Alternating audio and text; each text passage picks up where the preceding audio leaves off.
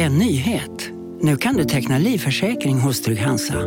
Den ger dina nära ersättning som kan användas på det sätt som hjälper bäst. En försäkring för dig och till de som älskar dig.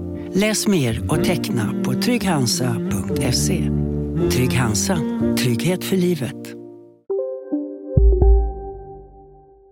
Det här är Sydsvenskan.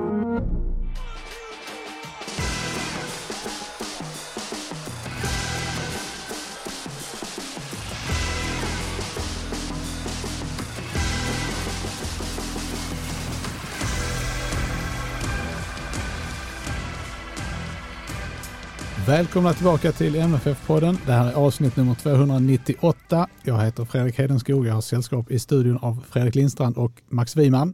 Hej hej! Guten Tag mein Herr. Hej! Äntligen måndag! Ja, Ja. som har längtat. ja. Ja. Om en stund så ska vi prata om Europa League och MFFs förestående möte med Union Berlin. En match som nog måste vinnas om MFF ska kunna hoppas på spel i Europa på andra sidan nyår. Men först så ska vi prata om Allsvenskan 2022. Serien som ingen vill vinna. Eh, det, var ju så här i helgen. Eh, först spelade MFF och Hammarby en match som ingen riktigt ville vinna. Den slutade 0-0 och den återkommer vi till. Då tänkte man att nu rycker Djurgården. Då följde de upp det med att få tokstryk i Degerfors. Eh, ja, läge för Häcken att koppla grepp då? Nej, 1-1 i Varberg. AIK ska väl ändå kunna vinna mot Sirius, tänkte man. Nej, 1-1 i Uppsala också. Så dagens första fråga går till Fredrik. Varför ser det ut så här? Varför vill ingen vinna allsvenskan? Ja, därför ingen vill vinna allsvenskan eftersom Malmö FF inte redan har avgjort allsvenskan i stort sett. Normalt sett brukar ju MFF dra, ha dragit loss för den här tiden på året. Det är i alla fall de senaste åren. Och nu har ingen riktigt tagit rygg där så då, då, det, det ser ut som det brukar göra bakom Malmö FF. Bortsett då från att MFF är, ja, man vet inte om man kan säga att de är med eller men de är ju där uppe någonstans i alla fall. Sen så tror jag en ganska stor förklaring är att eh, de två lagen som är i topp, ja, eller tre lagen som är i topp, då är ju konstgräslag. Eh, de, de kan ju inte spela på, på gräs på ett lika bra sätt. Eh, hade alla matcher spelat på konstgräs så tror jag att Djurgården hade avgjort den här serien. Deras gräsfas är fruktansvärt i år. Det är ändå glädjande. Ja, det är ju såklart att det är glädjande, men jag tror att det, det är väl nog därför de här plumparna kommer hela tiden.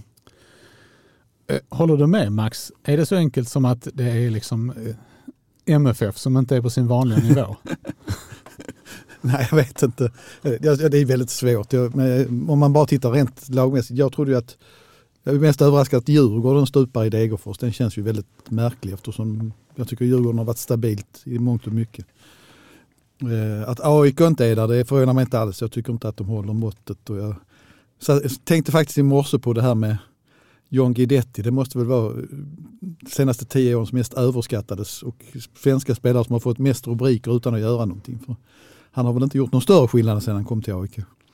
Men eh, det var en parentes i och för sig.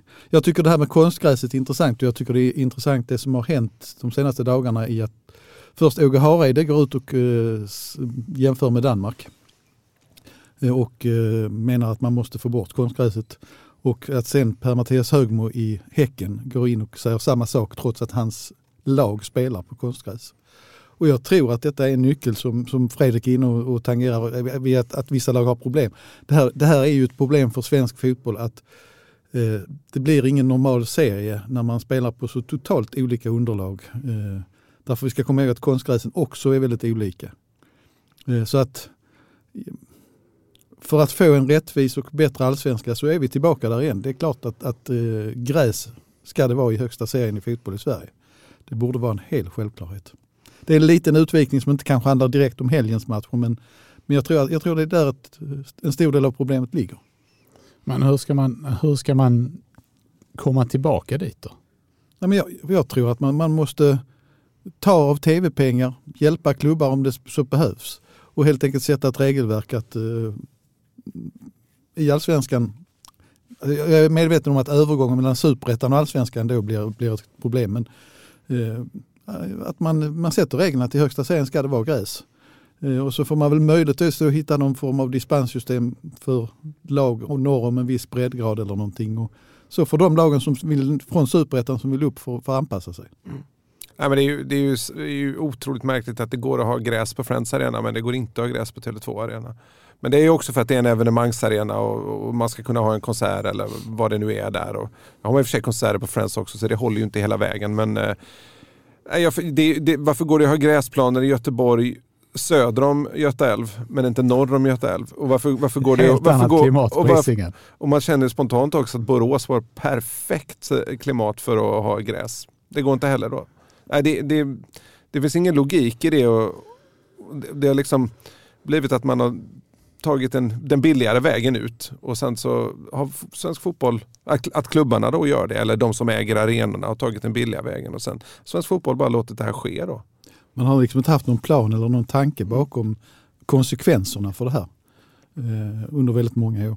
Eh, och det, det ställer till det. Det, ställer, det har vi sagt många gånger också. Det ställer till det för svenska lag som ska ut i Europa. Det har vi också sett ett stort antal gånger. Så att, eh, man kan också börja fråga sig om det ställer till det för svenska landslaget.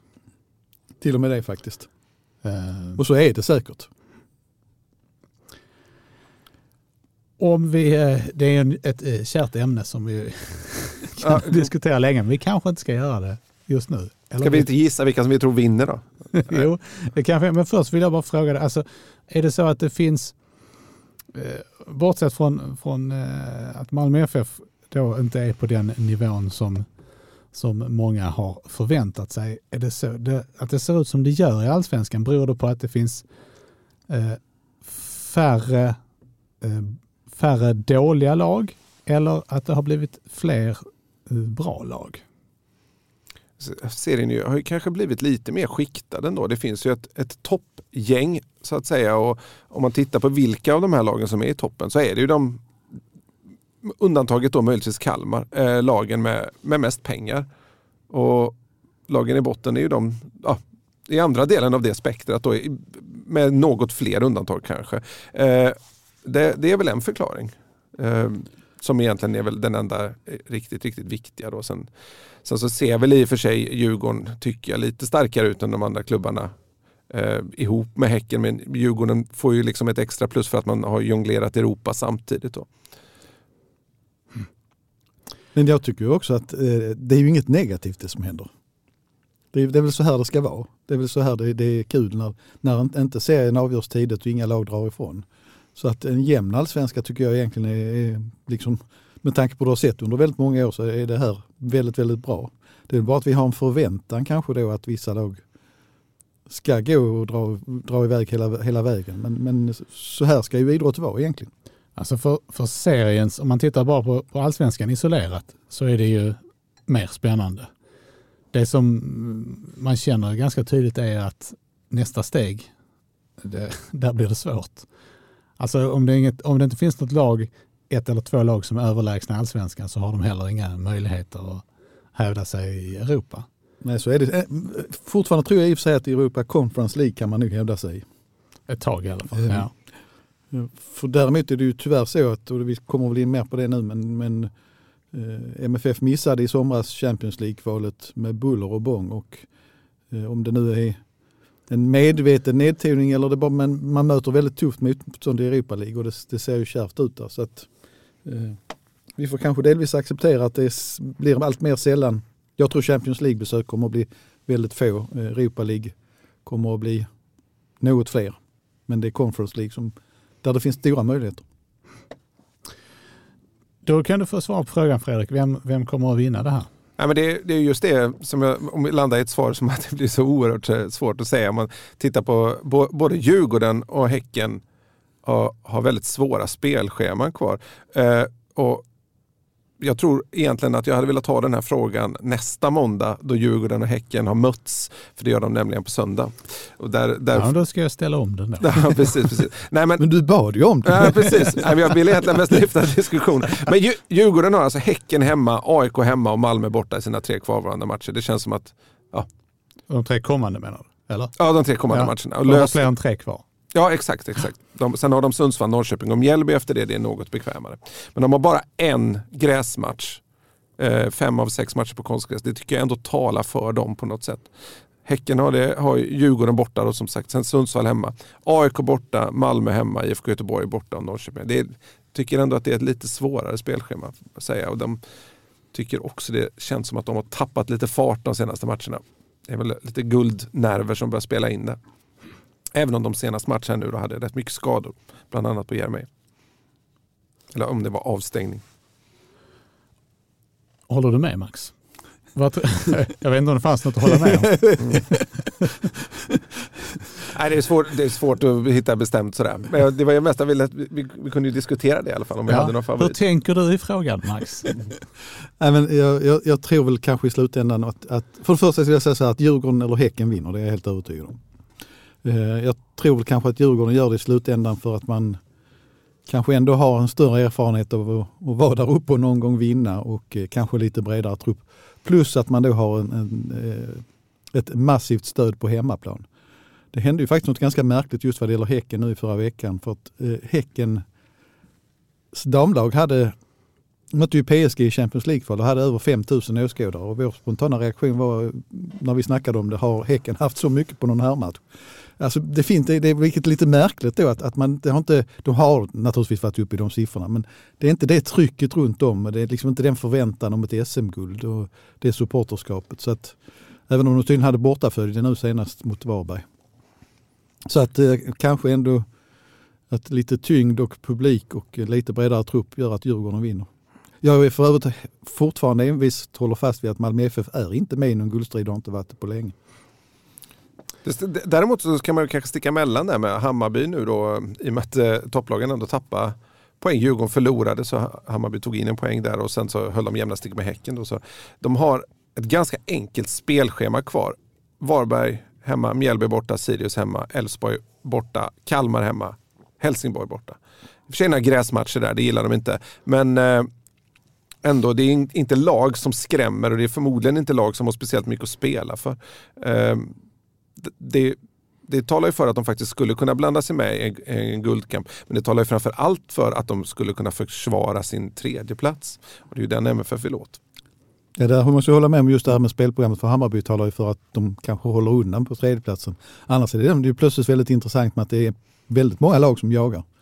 Det är väl så att Kalmar, MFF och AIK har samma poäng. Mm.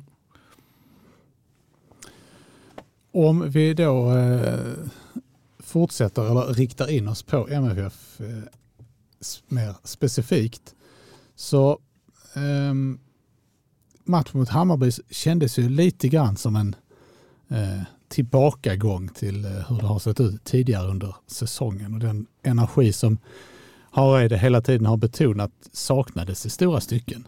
Varför var det så, tror ni? Max, du kan få första ordet. Nej, jag, har, jag har, absolut ingen förklaring till det. Jag, jag tyckte det började bra i en, en kvart ungefär. Sen så föll det tillbaka till ett långsamt och omständigt och som du säger inte alls samma energi i spelet. Eh, man ser ju naturligtvis and, återigen Anders Christiansens betydelse när han inte är på planen. Det är väl en, en liten del av det hela. Men eh, jag var också lite förvånad, jag tror vi pratade lite grann om det förra veckan. Eh, det här uppehållet MFF gjorde. Eh, kanske var påtvingat av fysiska omständigheter, jag vet inte. Men man, man vilade ju en vecka där under landslagsuppehållet. Och, och sen kom då landslagsuppehållet. Och I vissa stycken, det har ju varit blandat och gett det där, men i vissa stycken har MFF haft väldigt svårt att starta om. Så att jag tror att den kicken man fick när Hareide kom, det, det kom av sig lite grann. Eh, och det kanske MFF skulle funderat mer över hur man skulle hållit energin uppe istället var ju inne lite på det förra veckan också, att man kanske inte skulle göra för stor sak av den effekten Hareide hade fått, även om man liksom såg en ny, på nytt född energi. För att, jag menar, uddamålssegrar mot, mot bottenlag trots allt, som har väldigt tuffa säsonger de också. Och jag tycker liksom att energin håller inte hela vägen. Då måste man ha ett grundspel att falla tillbaka på. Och där är ju Hareide stora utmaningen att, att laborera med det och hitta rätt med det. Sätta en tydlig matchplan och sådär eh, efter de förutsättningarna som finns. Och det är väldigt, väldigt svårt på den här knappa tiden. Han har inte haft mycket tid att jobba på med sådana grejer. Och, eh, jag tycker det är, liksom, det, det är talande för MFF är att spelarna vet inte riktigt vad de ska göra på plan tycker jag det känns som offensivt. Det finns inga, jag kan inte se några tydliga anfallslinjer. Hur vill man, hur vill man anfalla? Eh, när man kommer in i sista tredjen. Vad vill man göra då? Utan det är mycket det är mycket på chans. Liksom. Ibland faller det väl ut och blir bra men ofta så stannar det upp och man vänder hem och man får börja om. Och det, det händer liksom inte så mycket. Det finns inga jättetydliga linjer och när det är på, på det sättet så är det väldigt mycket upp till enskilda spelare. Och jag tycker att MFF var väldigt bra så länge Sören Rex var på mm. planen. Eh, och de var kanske inte väldigt bra, men de var bättre än Hammarby när Anders Christiansen kom in på planen. Och det, det, man måste ju, det, det är ju bara att konstatera hur beroende MFF är av Anders Christiansen. Att, att det, det, är ju ett helt annat lag när han är på plan. Eh, och han gör ju sina lagkamrater så mycket bättre och man uppträder med ett, ett annat självförtroende. Um, så det, det MFF man såg i matchen är väl ungefär det som det är det MFF som är i år. De är varken bättre eller sämre än så. Nej, det är ju sista hållet måste jag verkligen hålla med om där. Just Sören Rex start på den matchen, jag tror att hans skada blev väldigt, väldigt olycklig för att han, han eh, ägde, ägde inledningen och fick med sig laget. Eh, sen, sen klart att det är som sagt fysiska hinder men det är väl inte första gången vi har konstaterat heller att, att Zeidan då som är ett spännande nyförvärv eh, har haft svårt när det blir bättre motstånd. Han försvann fullständigt ur matchen. Och Patriot Seydou också, det är en lovande spelare men det, det är liksom precis som att det fattas, fattas någonting där också. Liksom att när det verkligen hettar till. Eh, att det krävs lite mer i matcherna. Där tycker jag att Hugo Larsson är mycket, mycket bättre på att hantera den situationen. Hans inhopp var ju faktiskt stundtals väldigt bra i andra halvlek. Man märkte också när han fick spela med Anders Christiansen hur mycket bättre han blev också då.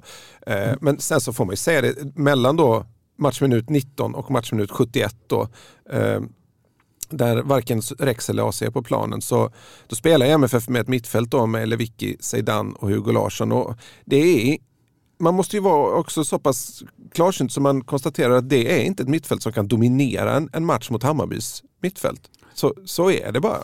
Eh, det ska till något speciellt då. Det ska finnas en sån bra struktur i laget att man eh, kan, kan liksom lösa det på annat sätt. Men det, det gör man inte riktigt. Och Oskar Lewicki är inte där passningstempomässigt än. Och det här är inte en match när han behöver försvara på samma sätt utan där, där handlar det mer om att man ska sätta fart på bollen och så vidare. Där är han inte riktigt än.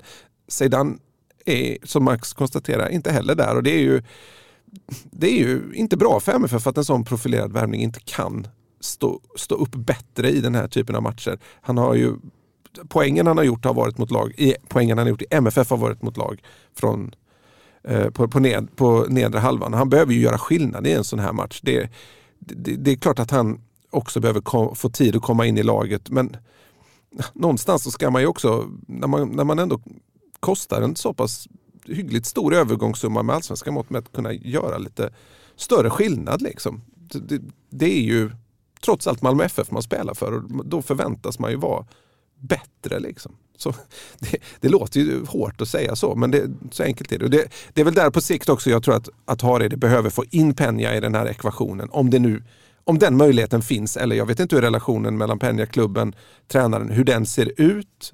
Den kanske är orep reparerbar, det vet jag inte. Eh, de ska väl ha ett snack här nu när han är tillbaka från landslagslägret, sa ju Harry. Det här. Så man får se. Där, där tror jag att behöver ha ett större bolltrygghet och bolltempo. Liksom. Och man behöver ju framförallt få tillbaka Christiansen. och sen har du då, eh, när, inte, som, när som sagt inom mittfältet eller mittfältet blir för tunt så varken Knudsen eller Ceesay kom ju egentligen fram på kant heller. Eh, vilket innebar att den anfallsvarianten försvann också. Så att jag, samtidigt så såg du nästan lite att man var lite rädda att förlora kanske där. Även om Åge pratade om att det var liksom bara seger som gällde. Så tyckte jag han visade det först sista 20 minuterna han kastade in eh, allt offensivt han kunde nästan. Nej, men, och sen, sen så är det ju mycket, det, det finns ju förmildrande omständigheter om man kan kalla det för det. Det här är alltså tionde gången, tionde matchen i Allsvenskan i år som MFF måste till ett byte i första halvlek på grund av en skada.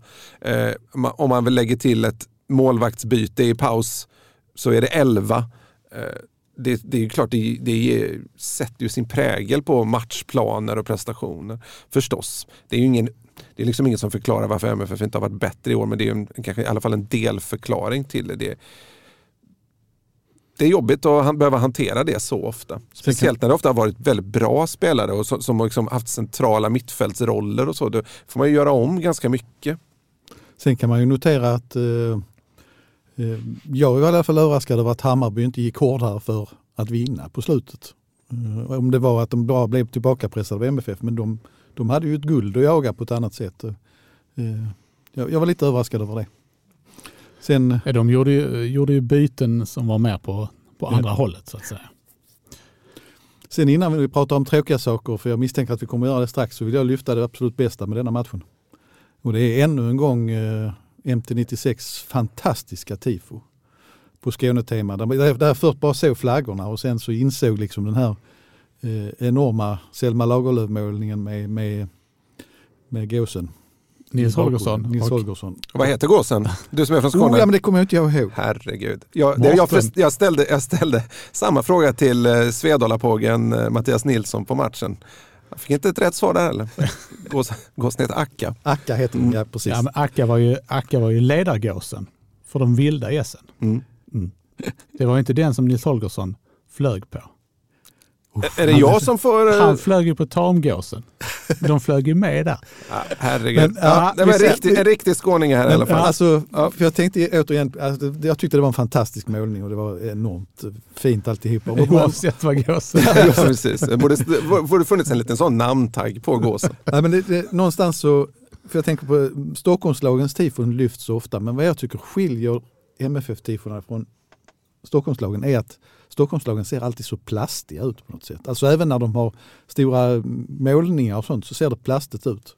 Eh, de kan vara väldigt fina ändå, absolut, men det är någonting med det här att man, man eh, verkligen skapar en tavla och man, på det sättet som man hängde upp den på, på, på väggen där, det var, det var fantastiskt fint tyckte jag.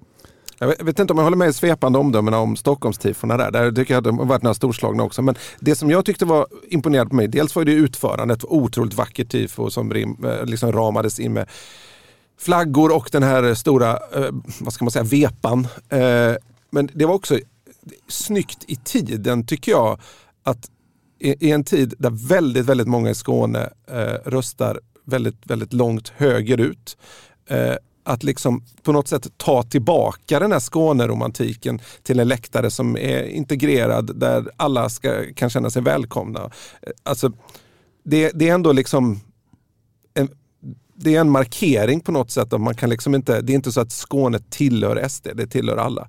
Eh, det var snyggt gjort på något sätt. Det, var, det, det hade liksom, jag, jag, kan fatta att det är inte lätt att ägna sig åt Skåneromantik med Skåneflaggan i dessa tider. Så det, jag tyckte det var ett häftigt statement faktiskt. Så det, det, jag håller med fullständigt. Man har ju gjort den typen av statement ett par gånger med stadsdelarna som vi har pratat om men även orter i Skåne vid något tillfälle. Så att det, det, det, det, finns, det är väldigt mycket en tanke bakom. Och jag kanske då var för svepande vad det gällde Stockholmslagen. Jag, menar, jag, jag säger återigen, jag tycker väldigt många av dem har varit väldigt fina men det är någonting i utförandet som gör att det inte känns lika äkta på något sätt. Det, en... Nej, det känns ju som att de, de äh, lägger väldigt mycket krut på derby-tifona yeah. av förklarliga skäl. Det som, det som var här på stadion kändes ju mer FC Köpenhamn. Om man ska vara. Ja, du menar Hammarbys? Ja, precis. Det, ja, ja, det, det, var väldigt plastigt. Ja. Sen, eh, sen såg jag, eh, vi ska inte prata bengaler, men det var, det var nästan lite dråpligt. Jag såg Discovery la upp eh, någon bild från AIKs match med typ den fantastiska stämningen inför matchen. Och så ser man bara ett svart moln. Man ser alltså inte någonting av läktaren för då var det bara svarta bengaler. Jag vet inte, det, det kändes inte sådär väldigt högklassigt. Jag noterade en annan sak efter matchen som var, jag tyckte var, nu ska vi prata om det mesta tråkiga efter matchen, men en sak som jag tyckte var lite rolig efter matchen. Det var eh, de gamla Helsingborgs Helsingborgs IF-kompisarna Darjan Bojanic och Mustafa Zeidan snackade på inneplan efter matchen. Och, ja, de var väldigt glada trots slutresultatet. Och, ja, det, det, är väl vad det är. Liksom. Det kan man få vara när man träffar en gammal, gammal kompis. Men det som var så fascinerar mig så mycket var att Zeidan höll handen för munnen när han pratade. Det var liksom lite, lite sött på något sätt tyckte jag. Att det var som att hade, han hade sett andra på tv göra så, skulle han också göra det. Och man, man, man, kan ju liksom, man kan köpa om man kanske gör det då, eh, även om det känns lite överdrivet på allsvensk nivå, om man gör det inför ett byte eller om det är taktik på plan som ska sägas. Liksom. Men jag vet inte, tror han att någon har han så pass viktig information till Darjan Vojanic att han vill inte ta risken att någon sitter på läktaren och läppläser vad som sägs efter matchen. Jag, menar, jag, menar, jag, jag tänkte på det när eh, mötte Manchester City mötte Dortmund i Champions League för några veckor sedan. Då var det ju, då var ju en kamera inne på inneplan och filmade Haaland när han pratade med sina gamla lagkamrater och de skojade. Och det var ju liksom ingen, inte tal om att hålla liksom händerna för munnen där. Och det känns som att den trenden kanske har minskat lite och sådär. Men, men jag kan ju absolut, om Pep Guardiola skriker ut direktiv till eh, till Kevin De Bruyne under en, under en Premier League-match. Absolut, du kan köpa att man kanske håller för munnen. För där kan det ju verkligen vara en, en, en fråga om läppläsning. Men här tyckte, tyckte jag det kändes ja, det var lite charmigt på något Vad sätt. skriker han till honom? Håll bollen inom laget. Ja, precis. Nej, men, liksom, man undrar vad de pratar om. liksom, gasledningen i Östersjön eller var det liksom, hur är det med familjen? Eller vad, man, jag vet inte vad det var som var så hemligt. Det var ett sidospår. Ja, Eh, jag vill uppehålla mig vid matchen en kort stund till eh, eftersom jag tänkte på, Anders Christiansen har vi pratat om i, eh, i tid och otid och hans betydelse för MFF. Men jag är lite nyfiken på att höra mer om det här med, med Sören Rex. Alltså vad, vad, vad menar ni? Vad, vad fick MFF med honom på plan och vad tappade MFF när han gick ut? Ja, men han, han är väldigt duktig och finurlig med bollen och alltså oerhört kreativ. Eh, väldigt teknisk spelare, mer teknisk spelare än vad jag tror många tror. Eh, och min känsla är bara, nu har han varit mycket skadad i år, men han har verkligen hållits tillbaka av de tidigare tränarna. Eh, och eh, på något sätt så levde han upp och han, det skapade en energi det också. Att, han, han är en spelare som, som går framåt, vågar gå framåt. Det är väldigt sällan han vänder tillbaka. Och det, det tror jag är viktiga egenskaper. Han har fått en ny roll i de senaste matcherna ja, och eh, spelar på innermittfältet. Det verkar passa honom. Han är inte riktigt lika snabb som förut så att det passar honom rätt bra. Eh, och det är en sak. Sen har han ett väldigt bra samspel med Berget. De förstår varandra på plan. Det var som att de två hittade varandra otroligt bra. Berget, det var nästan som att Berget blev en annan spelare när Rex inte var kvar. Och jag vill poängtera också att det är liksom inte så att man ska säga MFF blev så mycket sämre för att Hugo Larsson kom in. Det tycker jag verkligen inte eh, att Hugo Larsson egentligen ska... Där tycker jag ju snarare att Lewicki och Zeidan framförallt eh, måste kliva fram då när, när Rex försvinner från, eh, från matchen. Eh, det handlar inte om att Hugo Larsson ska göra det. Han har liksom inte riktigt samma uppgift på planen. Jag tycker Hugo Larsson gör framförallt en väldigt, väldigt bra andra halvlek. Men det, det som Rex sätter fart på bollen och det som han framförallt gillar han ju att spela en stor match mot Hammarby. Han vill ha bollen hela tiden, han vill avgöra, han vill ta sig in i straffområdet. Han får inte riktigt träff, han får en bra chans där i början. Eh, där kunde det mycket väl blivit 1-0. Jag tror att han har två ganska bra chanser i, i straffområdet som han inte riktigt får avslut på. Men det, det, det, är liksom det som är det stora och det tappar eh, MFF när han går ut och får inte tillbaka det här bröstet utåthållningen för en AC tillbaka. En spelare som också vill ha bollen och vill avgöra. Och där, det var ju liksom det man kände kanske med Zeidan då som, som, som liksom en spelare som vill vara i en yta och hela tiden få bollen. Det, det tycker jag är den stora skillnaden. Sen apropå Hugo Larsson, kan slänga in honom också. Tycker han gör mycket, mycket bra. Han är alltså oerhört härlig att se honom liksom vända upp med bollen, göra en sån snabb kröjfare på mittplan och sen accelerera. Och man märker att det finns något internationellt över det. Det som jag vill se honom göra är skita lite mer i sina medspelare på mittfältet. Kanske bara älga in framför mål och tryck bollen på mål. Liksom. Skjut! Det blir ju lätt så på en plan. Alla vill ha bollen för det är många starka viljor där ute. Men där måste han känna att, och det, där han ju redan långt på vägen där, men han kan nästan tro på sig själv ännu mer. Våga ta avsluten själv. Våg, vill avgöra matchen. Han är så pass bra så han kan klara det. Max, finns det fler eh, positiva saker som MFF kan ta med sig från, från matchen? Ja, man höll ju tätt bakåt faktiskt. Ja. Eh, sen hade definitivt Hammarby några chanser och Diawara gör någon riktigt fin räddning men, men någonstans så släppte man inte in mål. Och det har man ju gjort i tid och otid. Ja, men det är också så att det är, det är ju otroligt starka individuella prestationer från mittbackarna då framförallt. Att, Lasse Nilsson framförallt. Ja, täcker skott på, på ett otroligt uppoffrande sätt. Och när liksom kanske inte försvarsspelet, det kollektiva försvarsspelet kanske inte fungerar sådär jättebra. Man, man får ju, långa perioder har man ju svårt att få tag i bollen till exempel. Då är det ju enormt viktigt att man har sådana högklassiga mittbackar. Och så. Sen så, I längden så blir det kanske svårt att hålla uppe det för dem. Eh, det kommer ju komma någon platt match emellanåt. Liksom, och om inte strukturen sitter där så blir man ju straffad då. Eh, sen så ska du också säga att MFF har, det har vi varit inne på, de har inte så mycket annat. Har du också valt att bli egen? Då är det viktigt att skaffa en bra företagsförsäkring. Hos oss är alla småföretag stora och inga frågor för små. Swedeas företagsförsäkring är anpassad för mindre företag och täcker även sånt som din hemförsäkring inte täcker. Gå in på swedea.se företag och jämför själv.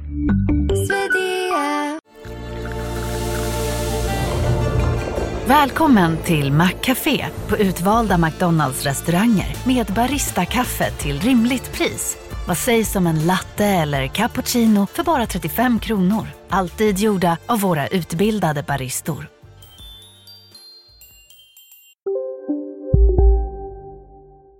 att tillgå. Det gäller ju att de håller sig friska Alltså- och att de inte blir avstängda. Alltså just det, för när man tittar på... eh, Charles var ju inte ens på bänken senast. De hade ju ingen mittback på bänken. Alltså när man, när man ser eh, Lasse Nilsson så det känns ju lite grann som att eh, det, en bristning ligger liksom den ligger väldigt nära hela tiden. Han är ju sällan skadad i och för sig, men nu, fick, nu kan det ju vara en hjärnskakning på honom, det vet vi ingenting om. Men, men, men jag tänkte på när du sa det, just nu funkar han ju fortfarande inte fullt ut och det är ju Oskar Lewicki då som den här länken som är viktig i det kollektiva försvarsspelet. Men samtidigt så, där är det ju också en sån här skör tråd verkligen. Eh, Går han sönder, vad händer då? Eh, Och kan han spela så här många matcher som väntar framöver?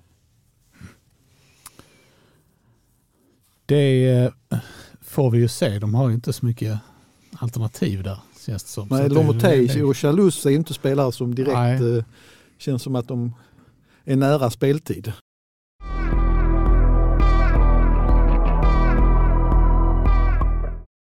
Innan eh, vi går vidare till Europa League så behöver vi ju tyvärr också prata om det som hände efter matchen. Fredrik, du som satt där, hur upplevde du det hela? Jo, nu, nu, ska, nu ska, får man ju säga att det, det, det var ju det var inte så att man var i fronten i Ukraina direkt det här så att man liksom ändå är hittar nyanser i det hela. Men det, det, det är ju... eh, Det, eh, allt ser man ju inte när man är på plats. Där en del har man ju pratat med, bland annat säkerhetschefen Peter Narbe som har beskrivit händelseförloppet. Eh, för man får ju inte den totala överblicken även om jag var på plats då på pressläktaren. Men det är alltså en eh, MFF-supporter som är på långsidan ganska nära Hammarbyklacken. Där flera Hammarby, Hammarbyare har fått biljetter på, på liksom allmänna sektioner om man kan säga så. Alltså utanför bortasektionen. Eh, det börjar hetsas, det börjar sparkas på plexiglaset som skiljer bortasektionen från de allmänna sektionerna. Och det här får ju liksom hemmasupport- hemmaklackssupportrar nys om och springer då från andra kortsidan och kommer aldrig längre än till pressläktaren. Där stannar de eh, möjligtvis lite längre fram. Då. Och där är ju några stycken av oss kvar. Vi dröjer oss dels kvar för vi vill se vad som händer. Och, ja, eh, arbetsmiljömässigt är det ju en, en katastrof eh, och ett rejält eh, misslyckande av MFF för att man kan inte garantera journalisters arbetsplats på ett bättre sätt. Men också är det ju fara för allmänheten att det här sker och det är ju inte första gången det sker heller.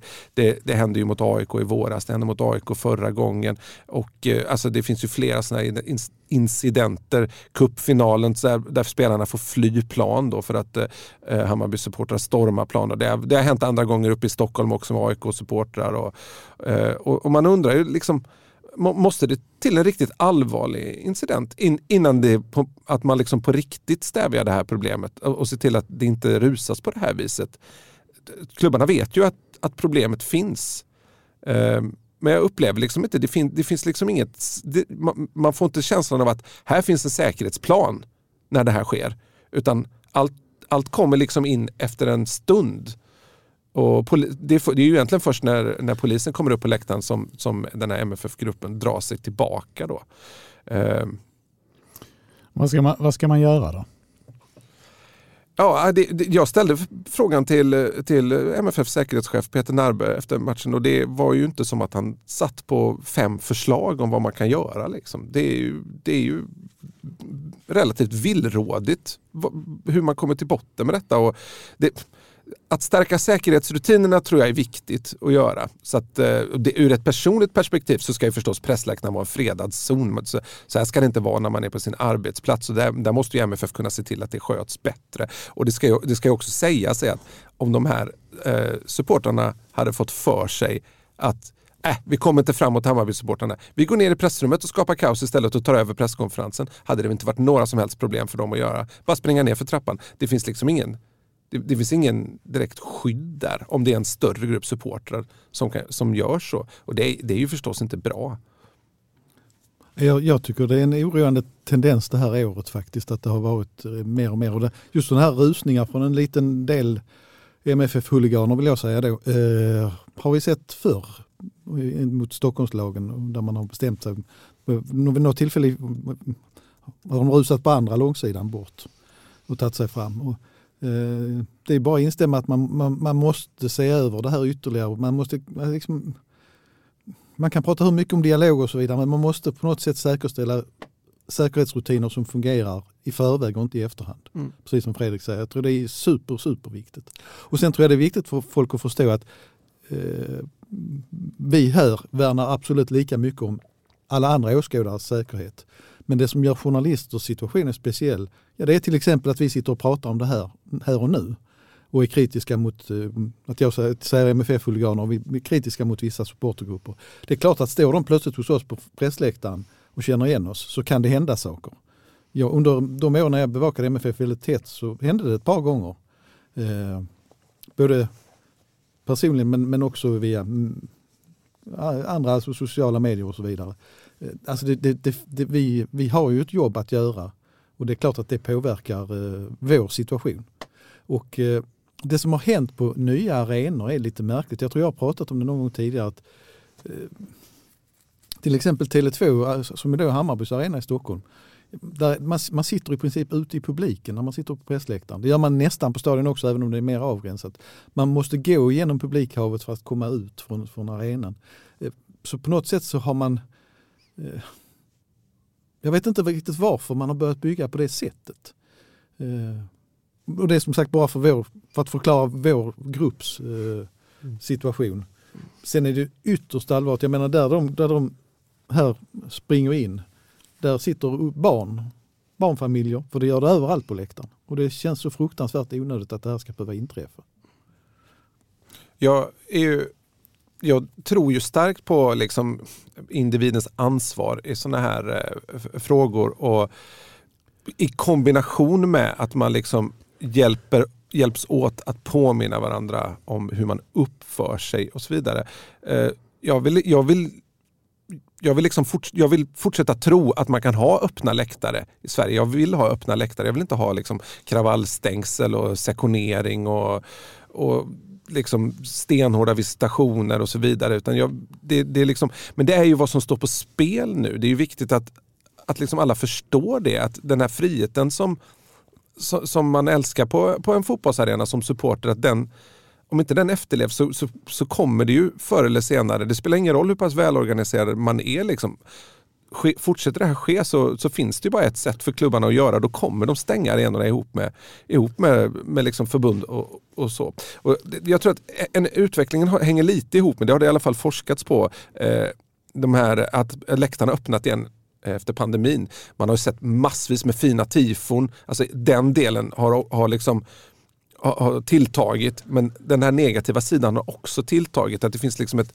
det, det, är för mycket känslor i alla riktningar. Liksom. Det är svårt att kontrollera det där. Och här tycker jag, och det, det är väldigt svårt att peka på för det är, mycket, det är så mycket ideella krafter och så. Klubbarna har ju ett ansvar med att se till att det finns vakter och så som, som skyddar dem. Alla kan känna sig trygga och så. Men jag tror att äldre supportrar har ett enormt ansvar, eller i alla fall en enorm möjlighet att liksom visa vägen här. För är det något som slog mig när de här killarna eh, bildligt talat, eh, när de här killarna kommer och eh, gapar åt oss att vi ska plocka undan kamerorna och sådär. Det går säkert att uppfatta det som hotfullt eh, och det var det väl på ett sätt.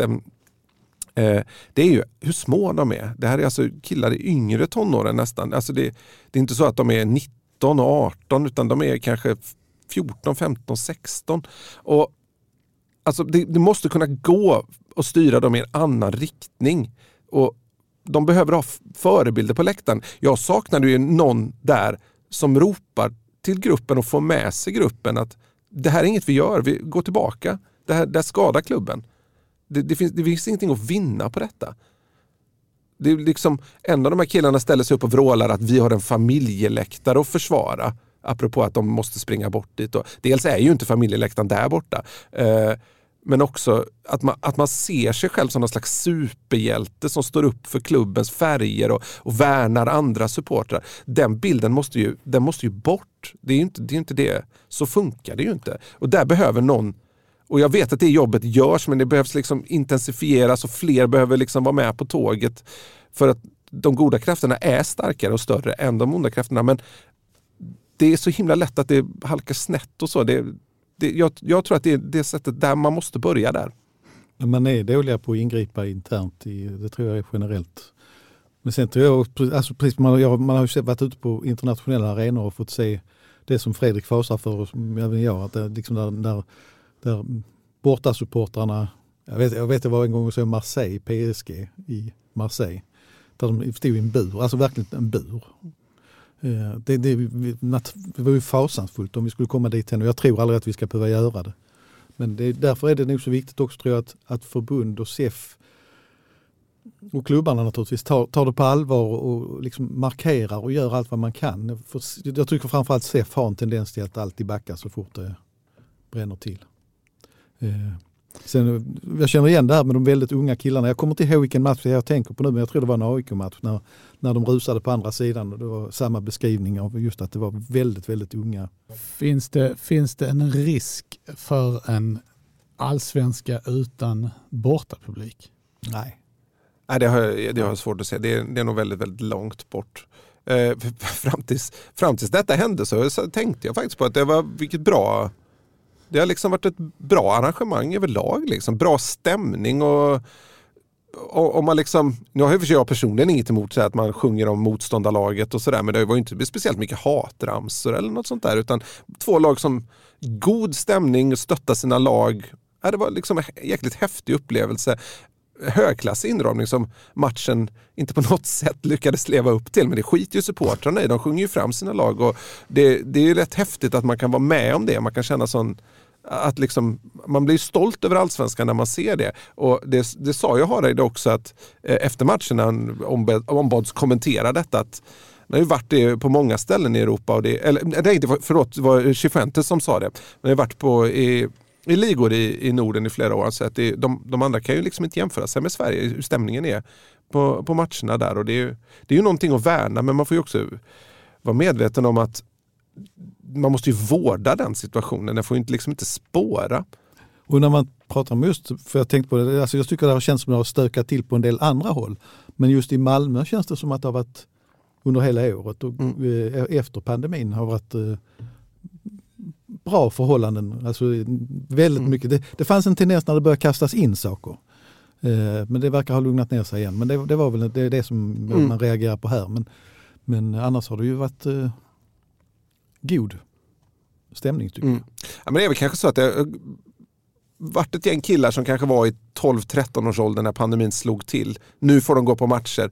Där behövs ju liksom lite, lite uppfostran helt enkelt. Hur uppför man sig på en, på en allsvensk match? Vad är, vad är okej att göra i, i MFFs namn då? Liksom?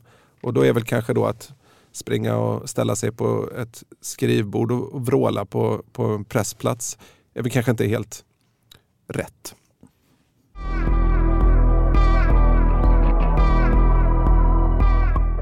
På torsdag kväll spelar MFF sin tredje match i gruppspelet i Europa League. Union Berlin, laget som överraskande leder Bundesliga, kommer till Malmö. Union åkte på sin första ligaförlust mot Eintracht Frankfurt i helgen. Men frågan är Fredrik om det har någon bäring på, på Europaspelet? Nej, det, är ju, det har varit liksom ett lag i Bundesliga och ett annat i, i Europa. Eh, lite svårförklarligt varför det är så. Ja, det, en, en, en stor förklaring är väl att man satsar väldigt hårt på Bundesliga. Det kanske anses lite viktigare helt enkelt. Eh, men med det sagt så är ju det här dubbelmötet lika viktigt för Union Berlin som har förlorat båda sina inledande matcher som det är för Malmö FF. Och, alltså, tar de sex poäng på den här mot MFF så har de ju ganska bra slagläge att ta, att ta sig vidare från gruppspelet. Men med tanke på läget i ligan då Max, vad tror, hur, vad tror du att tyskarna, hur tror du de resonerar kring det här? Ja, men, alltså det skulle ju, det är som Fredrik säger, tar de sex poäng så är de ju med. Eh, å andra sidan så kanske de inte är beredda att ta några risker så att säga. Ja, men då kan jag tycka det är lite intressant att komma tillbaka till det här med publiken igen faktiskt. Um, för jag, jag, jag, så här, kring laget och hur de resonerar, eftersom de är nya i Europa så är det väldigt svårt att veta. De har liksom inte den traditionen. Men vad jag förstår nu så har det varit ett, ett enormt tryck. Eh, det har pratats om att det var 12 000 från Berlin som ville komma på matchen. Mm. Eh, ett, ett, ett, väldigt stort tryck och det tyder ju på att för supportrarna är Europa viktigt och då måste laget ha det med sig, klubben. För så som de verkar fungera som klubb så är supportrarna oerhört viktiga. Eh, och där noterar jag då en sak med viss förvåning. Jag har sett att supportrar till MFF också, även om det bara någon enstaka, har reagerat. För det är så att MFF tvingades stoppa allmänna försäljningen av biljetter. Eh, för att inte det skulle spridas ut Union Berlins supportrar över hela stadion. Och det är helt logiskt, det är inget konstigt med detta. Men med tanke på hur lite biljetter Malmö FF har sålt och med tanke på hur MFF har vädjat och lyckats tidigare i Europaspelet när man själv har spelat borta är jag väldigt förvånad att man inte har släppt till fler biljetter till Union Berlin. Eh, det är liksom den, den eh, goda eh, det goda samarbetet har funnits mellan klubbarna. Och om nu MFF genom Hareide ändå tonar ner sin egen Europasatsning så kan jag tycka det är lite märkligt att man hellre spelar med halvtomma läktare än att faktiskt bjuda tillbaka lite grann. Mm. Jag skrev om detta i, i fredags Eh, och prata med MFF om, för det, det var, jag, jag, ställde mig också frågan, det var ja, 1025 personer är borta, det är de garanterade 5 procenten som ett bortalag får då på en arena. Och så Hammarby hade ju 2000 personer här nu. Eh, och varför varför kan man inte bara dubbla bortaläktaren? Då är det logistik då. Dels så är det liksom, ja, det ska till en, kanske en extra entré och med allt vad det innebär i avspärrning och så vidare. Och sen så har de väl sålt lite biljetter på, på, på sektioner de måste stänga av då.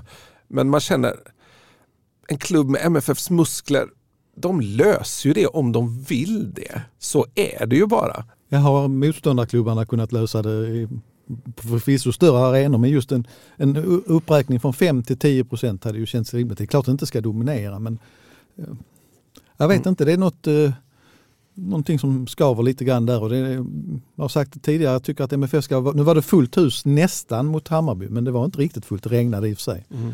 Men eh, det var ändå en tusen personer som inte kom och det var väl familjen Årskort. Och, eh, att MFF kanske ska ta lite på de här varningssignalerna ändå nu. Det, man är på väg mot en, nu har man kampen om tredjeplatsen och så länge den lever men om man bäsar sitt eget Europaspel delvis och, och så kan ju intresset dala det, det, är också så att man skulle ju faktiskt kunnat sålt in den här matchen och kanske fått några extra åskådare från de egna leden genom att faktiskt utöka borta sektionen. Ja, ja. För då, då blir det en av FCK undantaget möjligtvis hemmamatcher i ett Europagruppspel där det skulle kunna bli en ordentlig läktarkamp. Annars har det ju inte varit speciellt några stora klackar som har kommit hit eh, egentligen. Och, inte att tala om så. Så att det, det hade kunnat bli en häftig upplevelse av, ur, ur den synvinkeln när man kommer hit och ja, vi höra tyskarna sjunga. Det vet man att tyska klackar, hur läktarkulturen är där och kanske framförallt runt Union Berlin då, liksom, som, som liksom, där, där supportrarna mer eller mindre är klubben om man är jättetajta och kända för att resa i, i stora nummer och så vidare. Så att, eh, det känns som att man går miste om, om, en, om en upplevelse där. Det känns lite synd liksom. Jag var på väg att säga precis samma sak, alltså, samma tanke. Just det här att man, man kunde hetsa de egna lite grann det också genom mm. att... Eh, och jag och, tror att också att de egna spelarna, MFF-spelarna, taggar till extra av en, av en inramning där det sjungs och där det är tryck. Jag menar, Johan Dahlin säger ju ofta det. Han, han, han han går ju igång på att det är en bra inramning och skiter ju om folk står och vrålar åt honom. Liksom. Och det, den känslan tror jag delas i klubben.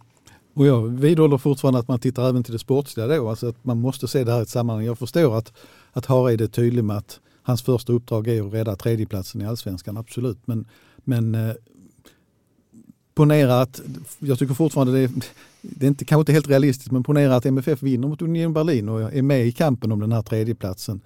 Så är det naturligtvis en skjuts för de allsvenska matcherna också. Eh, och är det då halvfullt på stadion så, så påverkar det också både spelare och liksom alla andra runt omkring. Ja, det är inte så viktigt det här. Så att eh, om man ska, liksom ska vända tillbaka till matchen så jag tror den är jätteviktig på torsdag för Malmö. Det är, eh, vill verkligen se ett Malmö som försöker, det kommer de naturligtvis göra, men försöker till, till varje medel att med så bra lag som möjligt på planen faktiskt skapa någon, en Europahöst igen i Malmö. För det, vi kan väl vara överens om att skulle de förlora på torsdag då går väl luften ur det här ganska rejält. Ja, men det är ju både en lite sportslig och framförallt då PR-mässig miss att ja. inte öppna upp lite mer. Den flexibiliteten, om, om, eh, och det kan man kanske lära sig av detta då att den flexibiliteten bör finnas framöver. Det känns ju, klubben kan ju inte rimligtvis ha, ha räknat med att den här matchen skulle bli utsåld. Sen så är det ju, tycker jag, det är rent principiellt jäkligt tråkigt att om jag hade varit ledig och hade velat ta med något av barnen på den här matchen bara för att nu ska vi se ett, ett, klubben som leder Bundesliga möta, möta MFF som är regerande svenska mästare. Det kan bli en häftig match. Då kan vi inte gå på den matchen. Det går inte. Vi kan inte köpa biljetter. Jag är inte medlem i MFF. Jag, jag har inget årskort på stadion. Jag har inte köpt någon biljett till någon tidigare match i år. Det, jag är helt körd. Jag kan inte köpa biljetter. Det, så, rent principiellt är ju det helt skevt. Så får det inte vara, tycker jag. Om man eh, avslutningsvis eh, riktar in sig på det eh, sportsliga i det här eh, sammanhanget. Vad ska MFF göra? Vill, vilka, max, vilka förändringar vill du se i laget men, jämfört med Hammarby-matchen? Nu får man ju förutsätta liksom att den fysiska statusen är okej okay på folk. Det, det, är klart jag vill se Anders Christiansen från start framför allt. Det är väl den stora nyckeln. Men taktiskt smart spel naturligtvis alltså att, att inte riskera för mycket bakåt utan eh, eh, var, var, säkra upp. Eh, men det är väl Christiansen, det är den spelare man tänker spontant på i alla fall. Sen fortfarande så ser jag gärna Ola Toivonen på planen för att jag tror att hans internationella erfarenhet betyder jättemycket i den här typen av match. Tror jag att eh, Ola Toivonen och Isak Estelin hade kunnat göra lite nytta uppe på topp Eh, man får väl försöka hitta djupledshotet på något annat sätt. Kanske då genom att sätta berget på en, på en wing eh, till exempel. Och sen så tycker jag att MFF ska köra med en trebackslinje och försöka hitta en lösning för det. Eh, Martin Olsson var ju avstängd nu mot Hammarby, kan ju ta en, en av de rollerna. Möjligt att Felix Beijmo kan känna att han klarar det också. Ja, högerkanten kändes ju lite mer robust eh, när man bytte in Beijmo och flyttade upp Ceesay. Mm. Eh, jämfört med vad man fick från, från Seidio i, i alla fall i just den matchen. Precis. För de kommer ju med Geraldo Becker och Jordan Sebatjö där, eh, Union Berlin. Det är ju ett, anfallspar som är ja, bland Tysklands vassare. Det kom, de kommer ju få, de kommer få göra där bak. Och ja, ja, man fortsätter att koppla ihop så tror jag, ja tyvärr den största eh, sportsliga tappet är ju att det inte kommer att vara det, det trycket på läktarna. Nu, nu vet jag att eh, eh, mot, i första Europa League-matchen så lyckades man skapa bra tryck. Eh, bättre tryck än ett fullsatt stadion nästan. Men, men frågan är om man lyckas med det igen. Jag är osäker på det. För att det, det är fortfarande så att det är en, en extra spelare. Mm. Det är 14 805 biljetter sålda enligt MFFs hemsida. Men det saken är den att den siffran stod även förra veckan och jag tror att man får dra av de här 1400 biljetterna som Union Berlin-supportrar köpte då. Och, som stoppades. Ja, och då ska dessutom tusen biljetter placeras på Union Berlin-sektionen. Så att det, det, från hemmasupportersidans håll så är det ju inte jättemånga som är sålda. Och det, jag vet inte vad man skulle kunna, man bara gissa en publiksiffra så har jag svårt att tro att den är över 14 000 på, alltså som, som dyker upp på, på matchen.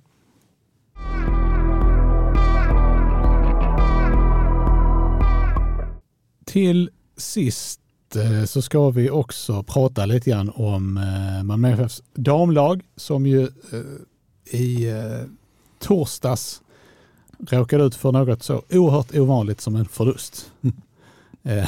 ja, det var ju efter straffar i och för sig, så de förlorade inte på ordinarie matchtid. Max, du var på, på DM-finalen. Vad tog du med dig för, för intryck? Det var ganska mycket intryck egentligen faktiskt. Dels är det som så här, det var ju första tävlingsmatchen som Malmö FF förlorade och det, det är ju en värdemätare då eftersom Rosengård är ett, eh, övre halvan i division 1 och kommer att klara sig kvar där. Och det är ju där MFF hoppas befinna sig nästa år. Eh, att man räcker inte, vill man vinna division 1 så räcker inte det här laget till. Så är det bara, där man, man måste förstärka. Eh, man såg vissa, jag vill inte peka ut men, men man, man man såg ju vissa problem. Man kan ju säga att, att straffläggningen, där hade ju Malmö FF klara bekymmer. Men målvakt som inte har haft någonting att göra på två år, är, då, då är det rätt knepigt. Eh, så att det, det är den rent sportsliga biten där. Och även var det så här att det blev en fantastiskt rolig match att titta på. Och jag funderade på läktaren, jag tror faktiskt att om ett ovant öga hade satt sig där och tittat så hade man kunnat tro att det var två allsvenska lag som spelade. För det small och det var stundtals bra spel. Alltså det var väldigt, väldigt, stundtals väldigt bra nivå på, på båda lagen på olika sätt. Eh, synd då om en, uh, jag förmodar ung domare som, inte, som där Skåneboll inte tänker efter eh, och sätter en, en oerfaren domare på att hantera det. Hon klarade inte av det tyvärr. Eh, så att det kunde blivit skador av det hela. Men eh, sen, sen var det ju också så att det var officiellt i alla fall 1380 åskådare på matchen. det säger ju en hel del om intresset när Rosengård dagen innan har 1600 på en Champions League-match. Och det är det vi, vi vet någonstans att, att namnet Malmö FF betyder väldigt mycket i, i sammanhanget. Och det, det, det, var ju fascinerande och en, en, liksom en PR och säkert en kick även för MFF-tjejerna då, så liksom framåt. Eh, att det var så pass mycket folk. Så, så det, var ju, det, det, var en väldigt rolig upplevelse på det sättet, definitivt. Det var också roligt att se hur, eh, för jag har inte riktigt trott att det var så mycket, men jag märkte på en del Rosengårdsfolk, både spelare och ledare jag pratade med, att det fanns oerhört mycket prestige i det här. Det, liksom, det var riktigt, eh, ja ni vet, eh, eh, de höll det inombords men man kände att det kokade ändå. Va? De ville väldigt, väldigt gärna vinna den här matchen med sitt utvecklingslag. Då. Så att Eh, en, en bra värdemätare och nu väntar alltså kval för Malmö FF. Om inte någonting ändras så är det klart att Åhus IF vinner den gruppen som MFF är lottat mot. Och de senaste två matcherna har de vunnit med 10-0 och 8-2 mot Eskilsminne i seriefinal. Eh, de har någon tjej som fullständigt öser in mål som jag tror heter Sofie Persson. Så att eh, det är fem, helgen 15-16 och retur lördagen den 21 i Malmö naturligtvis två otroligt viktiga matcher där MFF, jag tror inte att de gör det, men de får inte stupa om de ska hålla sin målsättning. Och, eh, för att ett hack redan här nu att inte gå upp skulle vara väldigt tungt. Men eh, det, det är nu det börjar bli lite tuffare och det är samtidigt eh, spännande. Va, eh, har du, jag förstår att du kanske har svårt att uttala dig om Åhus eh, generellt så. Um, men, men vad är din, är din känsla att att de kommer att gå upp? Jag tror att MFF går upp. Jag tror att eh, stundens allvar kanske för Åhus blir rätt tungt. Eh, alltså det är ändå stora starka Malmö FF man möter. Det kommer att vara mycket nerv. Så att, och tittar man på seriespelet så har ju Malmö vunnit alla sina matcher. Åhus har vunnit 17 och en oavgjord och två förluster. Eller alltså liksom den, den digniteten ungefär. Så att eh, det är en omgång kvar i den serien ska vi säga förresten. Eh, men den segern är redan klar för dem. Så att eh, det, det, det är klart att presterar MFF på det sättet. Eftersom jag har tittat en del på dem nu på sensommaren så kan jag säga att den här matchen var ett jättelyft jämfört med hur det har sett ut i seriespelet den senaste tiden. Så att det finns ju en kapacitet. Och, eh, framförallt om man ska, man ska lyfta någon som Malin Gunnarsson som en del känner, till, känner igen kanske då från bland annat Rosengård tidigare. Eh, eh bjöd ju på fantastiska nummer i den här matchen. Vi eh, får eh, garanterat anledning att återkomma eh, både till damlaget och herrlaget. Ehm, tills dess så har detta varit avsnitt nummer 298 av MFF-podden där vi anser att konstgräs ska förbjudas i svensk elitfotboll. Jag heter Fredrik Hedenskog. Jag har sällskap av Fredrik Lindstrand och Max Wiman och ansvarig utgivare är Jonas Kanje. Tack för oss. Hej hej!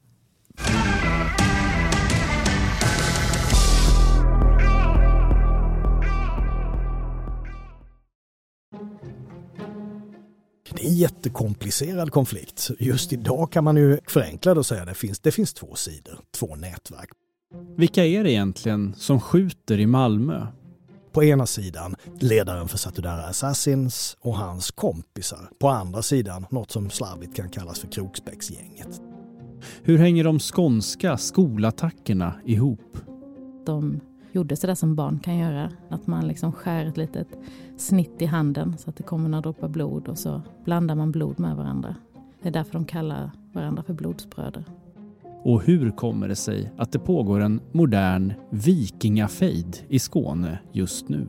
Så försvinner en, eh, ett vikingaskepp på 14 meter mitt framför ögonen på personalen. I vår nyhetspodd du lyssnar på Sydsvenskan får du det viktigaste och mest spännande som händer just nu i Skåne, Sverige och världen. Du hittar den där du lyssnar på poddar.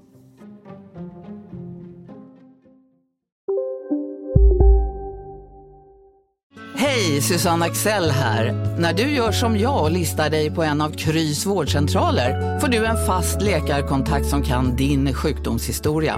Du får träffa erfarna specialister, tillgång till lättakuten och så kan du chatta med vårdpersonalen. Så gör ditt viktigaste val idag, lista dig hos Kry. Kurrar i magen och du behöver få i dig något snabbt? Då har vi en Donken deal för dig. En chicken burger med McFeast-sås och krispig sallad för bara 15 spänn. Varmt välkommen till McDonalds.